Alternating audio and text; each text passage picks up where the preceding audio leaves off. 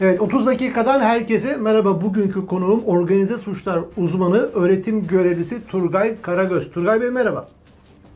Merhaba Erkan Bey. Ee, Doğu Perinçek ve devlet içerisindeki kadrolaşmaları Türkiye'de gündemlerden bir gündem olarak konuşuluyor, tartışılıyor. Ee, bir Evet.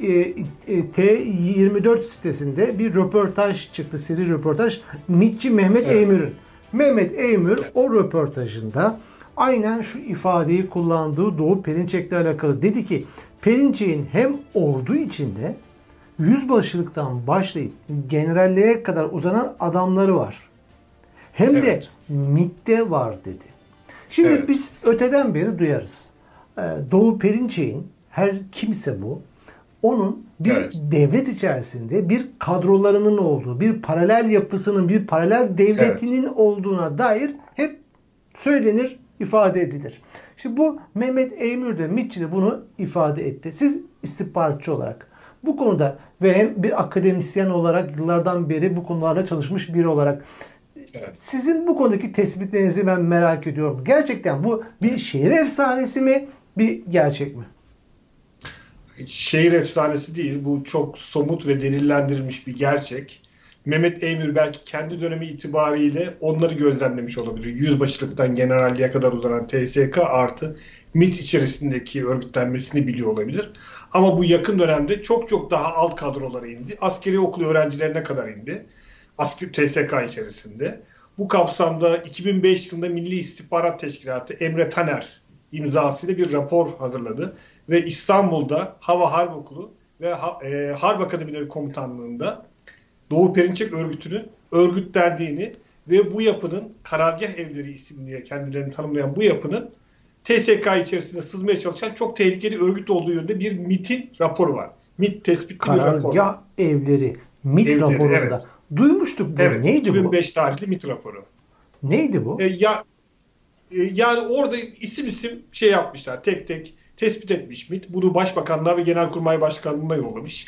Genelkurmay Başkanlığı bünyesinde kendi iç soruşturmalar falan yapılmış yani. Daha sonra bunlardan bir kısmı da Ergenekon soruşturmalarına da yansıdı daha sonraki süreçte. Yine bir bu, Bu yapıyı kara- göstermek için Yani bu Evet. yani geçeceğim bir detaylı soracağım. Bu karargah Evet. evlerini hep duyar dururduk da nedir? Misyonu neydi? Ve bunun harp okullarıyla ilişkisini.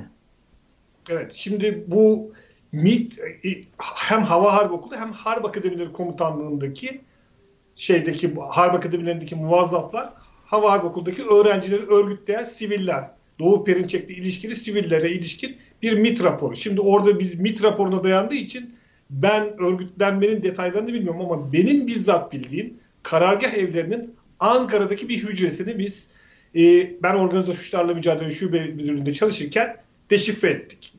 Ankara'da 4 ha, e, Kara Harp Okulu öğrencisi hafta sonları Neriman ve Kemal Aydın isimli sivil şahısların evine giderek toplantı yapıyorlardı. Sürekli olarak toplantı yapıyorlar. Her hafta toplanıyorlar. Burada okulda olan bitenleri bu şahıslara aktarıyorlar. Yine mesela bir seferde şu anda Muharrem İnce'nin partisinde de milletvekili olan Mehmet Ali Çelebi de bu örgütlenmenin içerisindeydi. Hizbut Bu Tahrir diye bir örgüt. CHP'li milletvekiliydi. Eski CHP'li şu anda Muharrem İnce'nin partisinde. Evet. O da o da o zaman harp okulu öğrencisi. O da o örgütlenmenin içerisindeydi. Bir gün bu Mehmet Ali Çelebi şeye biniyor. Ee, mesela bir örnek verme babında söylüyorum. Taksiye biniyor. Taksici Hizbut Tahrir üyesiymiş. Yolda buna böyle dini e, içerikli söylemlerde falan bulunmaya çalış- çalışıyor. Bu da kendi kendine şöyle diyor. Yani benim bu yapının içine sızıp bunları bağlı olduğum birime bildirmem lazım diye bir şey yapıyor. Daha sonra bunun telefonunu falan alıyor. Ama bilgiyi götürüp kendi komutanlarına vermiyor. Neriman Aydın ve Kemal Aydın'a veriyor. Şimdi o Neriman Aydın ve Kemal Aydın da kimle irtibatlı? Doğu Perinçek'in adamı olan toplumsal dönüşüm yayınları e, sahibi Durmuş Ali Özoğlu ile irtibatlı. Onlar da Durmuş Ali Özoğlu'na neler olduğunu rapor ediyorlardı. Yine Durmuş Ali Özoğlu'nu hatırlarsanız e, şeyde Kıbrıs'ta o zaman bir albay olan daha sonra Tuğgeneralliğe yükseltilmiş bir e, şu anda ismi ismini hatırlayamadım. İsmini e, birisinin e, Durmuş Ali Ö- Özoğlu önünde esas duruşta hazır olduğu bir fotoğrafı vardı. Hatırlarsınız belki. Hı hı, tabii. 2008-2009 dönemlerinde. Yani bir general bir sivilin Doğu Perinçek grubundan bir sivilin önünde hazır bekliyor. Yine bir e, albay, denizci albay hapisten çıkmış, cezaevinden çıkmış, resmi elbiseli. Doğu Perinçek geliyor yaklaşıyor, omuzuna vuruyor böyle. Dikkatli onun şeklinde bir talimat verebiliyor ve albay hiç umursamıyor yani. Resmi elbise birisinin omuzuna vuruyor, vücuduna dokunuyor. Ya bunlar normalde kişinin özel alanlarıdır ki siz bir albaysınız yani. Dışarıdan marjinal bir partinin lideri size yaklaşıyor ve böyle samimiyet gösteriyor ve size dikkatli olun diye bir talimat verme cüretini kendisinde bulabiliyor. Şimdi bunlar Doğu Perinçek grubunun ta harp okullarından itibaren artık askeri içerisinde adam yetiştirmeye başladığını gösteren şeyler. Ne zamandan beri TSK, vardı bunlar sizce? Ee, sizlerin Şimdi e, bilgi... çok eskiden beri olabilir ama bizim gördüğümüz tabii ben Mehmet Emir işte yüzbaşılıktan itibaren biliyor. O kendi dönemlerini biliyor. Bizim gördüğümüz ben işte 2005'te 2006'da çalışmaya başladıktan itibaren 2005'te MIT raporu var. 2008'de bizim tespitlerimiz var Ankara Karaharp Okulu'nda. Muhtemelen çok çok köklü bir yapılanma yani. TSK'da böyle bir örgütlenmeye çok uzun süredir gidiyorlar. Zaten bunun da en büyük göstergesi şu Erkan Bey. Dikkat ederseniz pek çok asker 30 Ağustos'ta emekli oluyor. 31 Ağustos'ta soluğu Vatan Partisi'nin önünde alıyor ve o partiye üye oluyor. Veya o partinin kanalında konuşmaya başlıyor ulusal kanalda. Veya o partiyle irtib irtibatta olan başka bir Veryansın TV diye bir kanal var. Orada konuşmaya başlıyor. Yani böyle bir şey anormal değil mi yani? Şimdi o kadar çok parti var, o kadar çok kanal var. En büyük general, en büyük rütbeleri yükselmiş askerler, orgeneral olmuş kişiler 30 Ağustos'ta emekli oluyor, 31 Ağustos'ta orada soluğu alıyor. Ya bu aslında bu çok net bir örgütlenme var. Peki, Bunu da Atatürkçülük maskesiyle örtüyorlardı. Maskenin arkasında ne var? İşte mas maskenin arkasında e, o konu biraz karışık. Şimdi daha önceki programlarımızda da şey yapmıştık. Yani Türkiye bir iddiatçı geleneğin üzerinde yükselmiş. İddiatçı bir gelenek var. Devlet içinde örgütlenmiş, teşkilatı mahsusa. Şimdi bu gelenek Cumhuriyet'e de geçmiş. Cumhuriyet de tabii şey e, sürekli bir merkezi yapı var. Kendini koruyor. Tüm politikaları belirliyor değil. Ara sıra sivil iktidarlar geliyor. Bundan rahatsız oluyor. Kurumlara değişik atamalar yapıyor. Bunları rahatça örgütlenmelerini falan şey yapıyor, engelliyor. Şimdi bu insanlar ama örgüt varlığını her zaman devam ettirmiş. Her zaman devam ettirmiş. Benim gördüğüm şey şu yani. Bu iddiatçı kafa zaman zaman biz bunu işte özel harp dairesi bünyesinde komuta merkezi gördük. Zaman zaman Milli Güvenlik Kurulu bünyesinde şeyini gördük. Her devletin özellikle devletin kritik birimlerini paralel bir şekilde kontrol etmek istiyor. Normal e, liyakatla bir terfi sistemiyle bir yerlere gelmek değil. Orada klik olarak bulunmak istiyor ve yeri geldiğinde müdahale edebilecek bir güç olarak bulunmak istiyor. Bu emniyette böyle, MIT'te böyle ve askeriye de böyle. Yargıda da eminim böyledir. Yargı konusunda şey yok. Ama yani emniyet, MIT ve askeriye konusunda çok emniyet konusu çok tartışılmaz. Ben o konuyu bizzat anlatmak istediklerim var. Anlatacağım. MIT konusunda da çok ortaya saçılmış bunu destekleyen deliller var. İsterseniz oradan devam Buyurun. edebiliriz. MIT'ten devam edelim. Şimdi TSK'yı bir konuştuk. Bir başlık olarak evet. yapılanmaları var. Ama TSK'yı bitirmeden aşağı yukarı bir hacim nasıl bir hacmi şu anda Perinçek grubu e, evet. paralel devlet yapılanması oradaki e, bir hacmi kapsıyor TSK içerisinde. Bununla alakalı herhangi bir veriye ulaşabilmiş miydiniz siz sizin döneminizde? Yani biz işte söylediğimiz gibi bunlar hücre yapılanması olduğu için biz birkaç hücre şey yapabildik. O MIT raporunda da yaklaşık 10 civarında harp akademilerinden personel, yine 10-15 civarında da harp okulundan, hava harp okulundan öğrencinin ismi vardı MIT raporunda. Biz de Ankara'daki 4 kişilik bir hücreyi tespit edebilmiştik. 4 kişilik bir hücre evi, karargah evleri olarak bilinen. Yani ama şöyle bir göstergemiz var. Bu insanlar Perinçek Partisi'ne giden insanlar orgeneralliğe kadar yükselebilmiş veya oramiralliğe kadar yükselebilmiş insanlar. Yani demek ki kurum içinde bunları yukarı çeken bir şey var. Yani kurum içerisinde bunları yükseltmeye yönelik bir kuvvet var, bir altyapı var. Yani o hacim olarak oran vermek yanlış olur ama ben hiç azımsanmayacak bir oranda olduklarını düşünüyorum. Peki MIT ve e, emniyetteki yapılanmaya evet. geçelim. Perinçek Şimdi MIT, MIT kapalı bir kutu ama biz bu MIT'teki yapılanmasını nereden varıyoruz? İşte ortaya saçılan kavgalardan varıyoruz. Mesela e, Hiram Abbas ve Mehmet Eybür ile Doğu Perinçek'in kavgası ta 1970'lerden beri bilinir. 1970'lerde Milli İstihbarat Teşkilatı iki tane yabancı ülkeler adına çalışan ajan yakılıyor. MIT, MIT mensubu. Yabancı ülkelere istihbarat verdiğini tespit ediyorlar ve bu şahısları suçüstü yakalıyorlar. Bu şahıslara Doğu Perinçek sahip çıkıyor.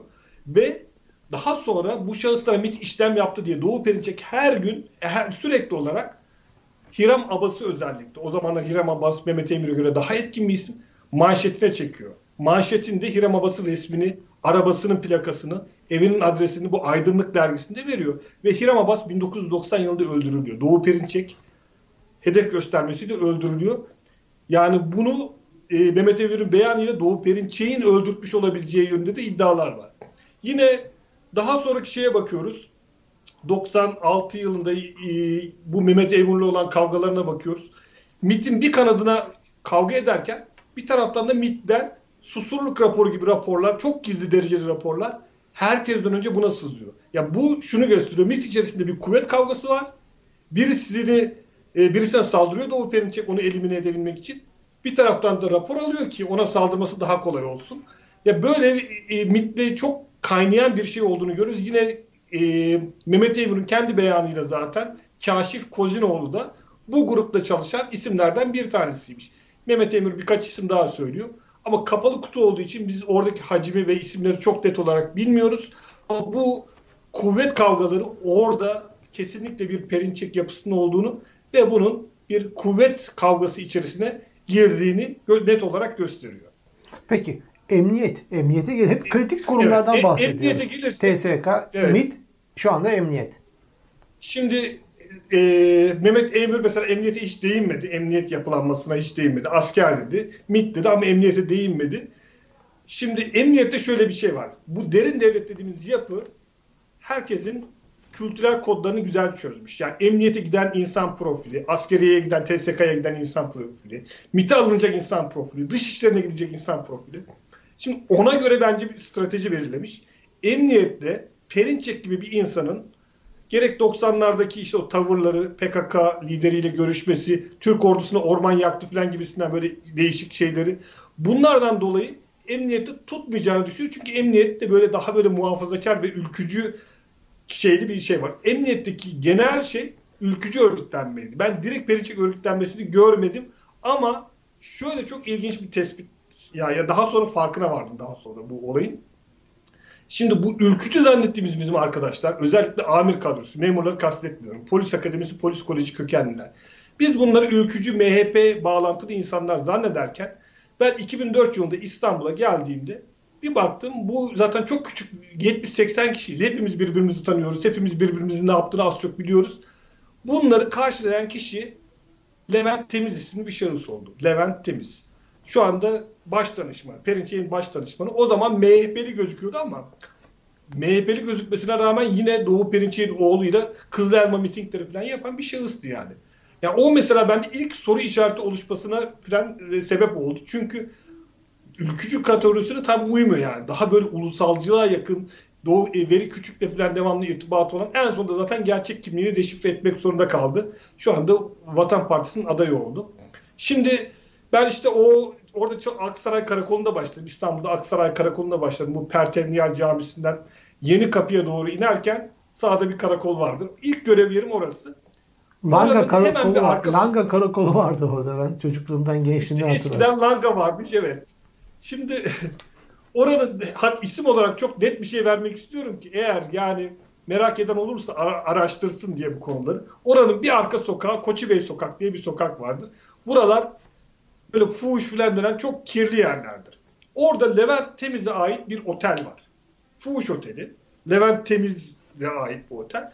Şimdi ben karakolda çalışıyorum. Akademiden falan ülkücü olduğunu bildiğim çocuklar geliyorlar bir hafta sonu falan abi ne yapıyorsun falan diye işte ya çay falan ikram ediyoruz tabii. Gelmiş akademiden bir alt kardeş, devre kardeşimiz falan konuşuyoruz. Çay falan ikram ediyoruz. Sonra soruyorum nerede kalıyorsunuz falan diye. Ya bizim Levent abinin otelinde kalıyoruz falan diye. Ya böyle birkaç kere oldu ben böyle şey yapıyorum. Şüphelenmeye başlıyorum. Sonra bir tane yine 2005 yılının mezunlarından, benden bir sonraki senenin mezunlarının reisi Kadir Kürşat Kılıç. Onun da tayini Fatih'e çıktı. Fatih İlçe Emniyet Müdürlüğü'ne çıktı. Bu çocuk 3 ay Levent Temiz'in o Fuhuş Oteli'nde kaldı. Ev falan bulmadı. Orada kaldı. Sonra ben, ben de böyle iyice şey şüphelenmeler başladı yani. Baktım bu Levent Temiz sürekli olarak bu amir kadrolarını örgütleyen, yönlendiren bir kişi. Şu anda benim devrelerim var. Mesela Ankara Şube'nin başındaki personel şubenin İstanbul Emniyet Müdürlüğü personel şubenin başındaki kişi benim devremdir. Yani bu çocuk devamlı Levent Temiz'in e, emrindeki bir şahıs gibi bir şeydi yani. Bundan talimatlar alan bir şahıstı. Burada bana ilginç Şimdi, geldi. Ha, o fuhuş otel. Evet. Otelde kalmak. Evet. Bunlar da yani ya bilmiyorum şimdi, ama Türkiye'de sistem şöyle işler. Kameralar şimdi, başlar, kasetler başlar. Ama ben daha fazla iddialarda bilmediğim için bulunmak istemiyorum. Yani çocuk şimdi İstanbul'a gelmiş Anadolu'dan. Kalacak yeri yok. Kalacak yer bulana kadar 2-3 ay Levent Temiz'in otelinde kalıyor. O fuhuş otelinde kalıyor. Ben daha ötesi bir şeye şahit olmadığım için iddialarda bulunamam. Ama izle yani bu konular araştırılırsa izleyicilerimiz şey yapar. Şimdi şunu gördüm ben pek çok ülkücü olduğunu zannettiğimiz arkadaşımız aslında bu bağlantının farkında değil. Levent Temiz ülkücülerle bu derin devlet yapılanmasının aslında böyle bir köprü rolü oynuyor. O aslında o şeyi şey yapıyor. Bağlantıyı sağlıyor ki ülkücüler tamamen kontrolden çıkmasın. O derin devlet yapılanması doğrultusunda hareket edebilirsin diye öyle bir bağlantı. Bunu bilen vardır, bilmeyen vardır. Hı. Ama şunu söylüyorum, emniyetteki yapılanması direkt perinçekçi olarak değil, ülkücü olarak kendini gösterir. Bu şekilde köprü elemanlar aracılığıyla e, yine bir şekilde yönlendirilir. Bunlar da bir derin devlet yapılanmasıdır. Ve şunu da söylemek istiyorum. İstanbul Emniyet Müdürü Mustafa Çalışkan'ı bu ekip yemiştir.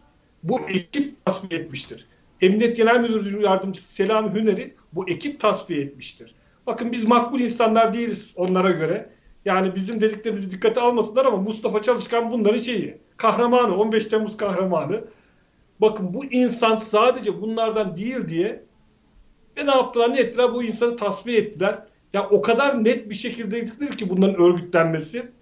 Yani Emniyet Genel Müdürlüğü bağımsız bir komisyon kurulduğunda bunlardan olmayan 3-5 kişi bir komisyon kurulduğunda çok net bir şekilde bu devlet içerisindeki, emniyet içerisindeki bu çete ortaya çıkartılacaktır.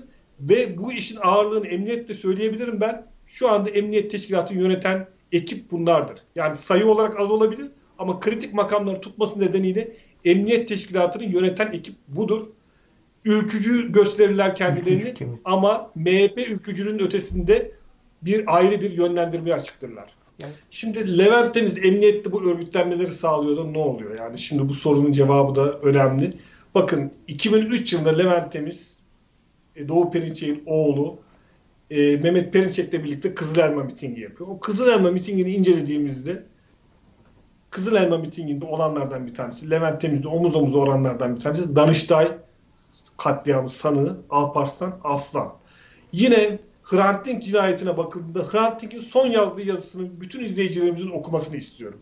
O cinayet nasıl adım adım gelmiş ve en son Levent Temiz nasıl devreye girmiş. Şimdi Levent Temiz ismi sıradan bir isim. Çok çok önemsenmeyecek bir isim. Sadece emniyetle bu derin Perinçek yapısı arasında köprü görevi gören bir isim. Bunun gibi eminim onlarca daha isim vardır ama şöyle bir düşünün yani böyle bir emniyet, bu kişiler tarafından yönlendirilen emniyet nasıl bir soruşturma yapabilir?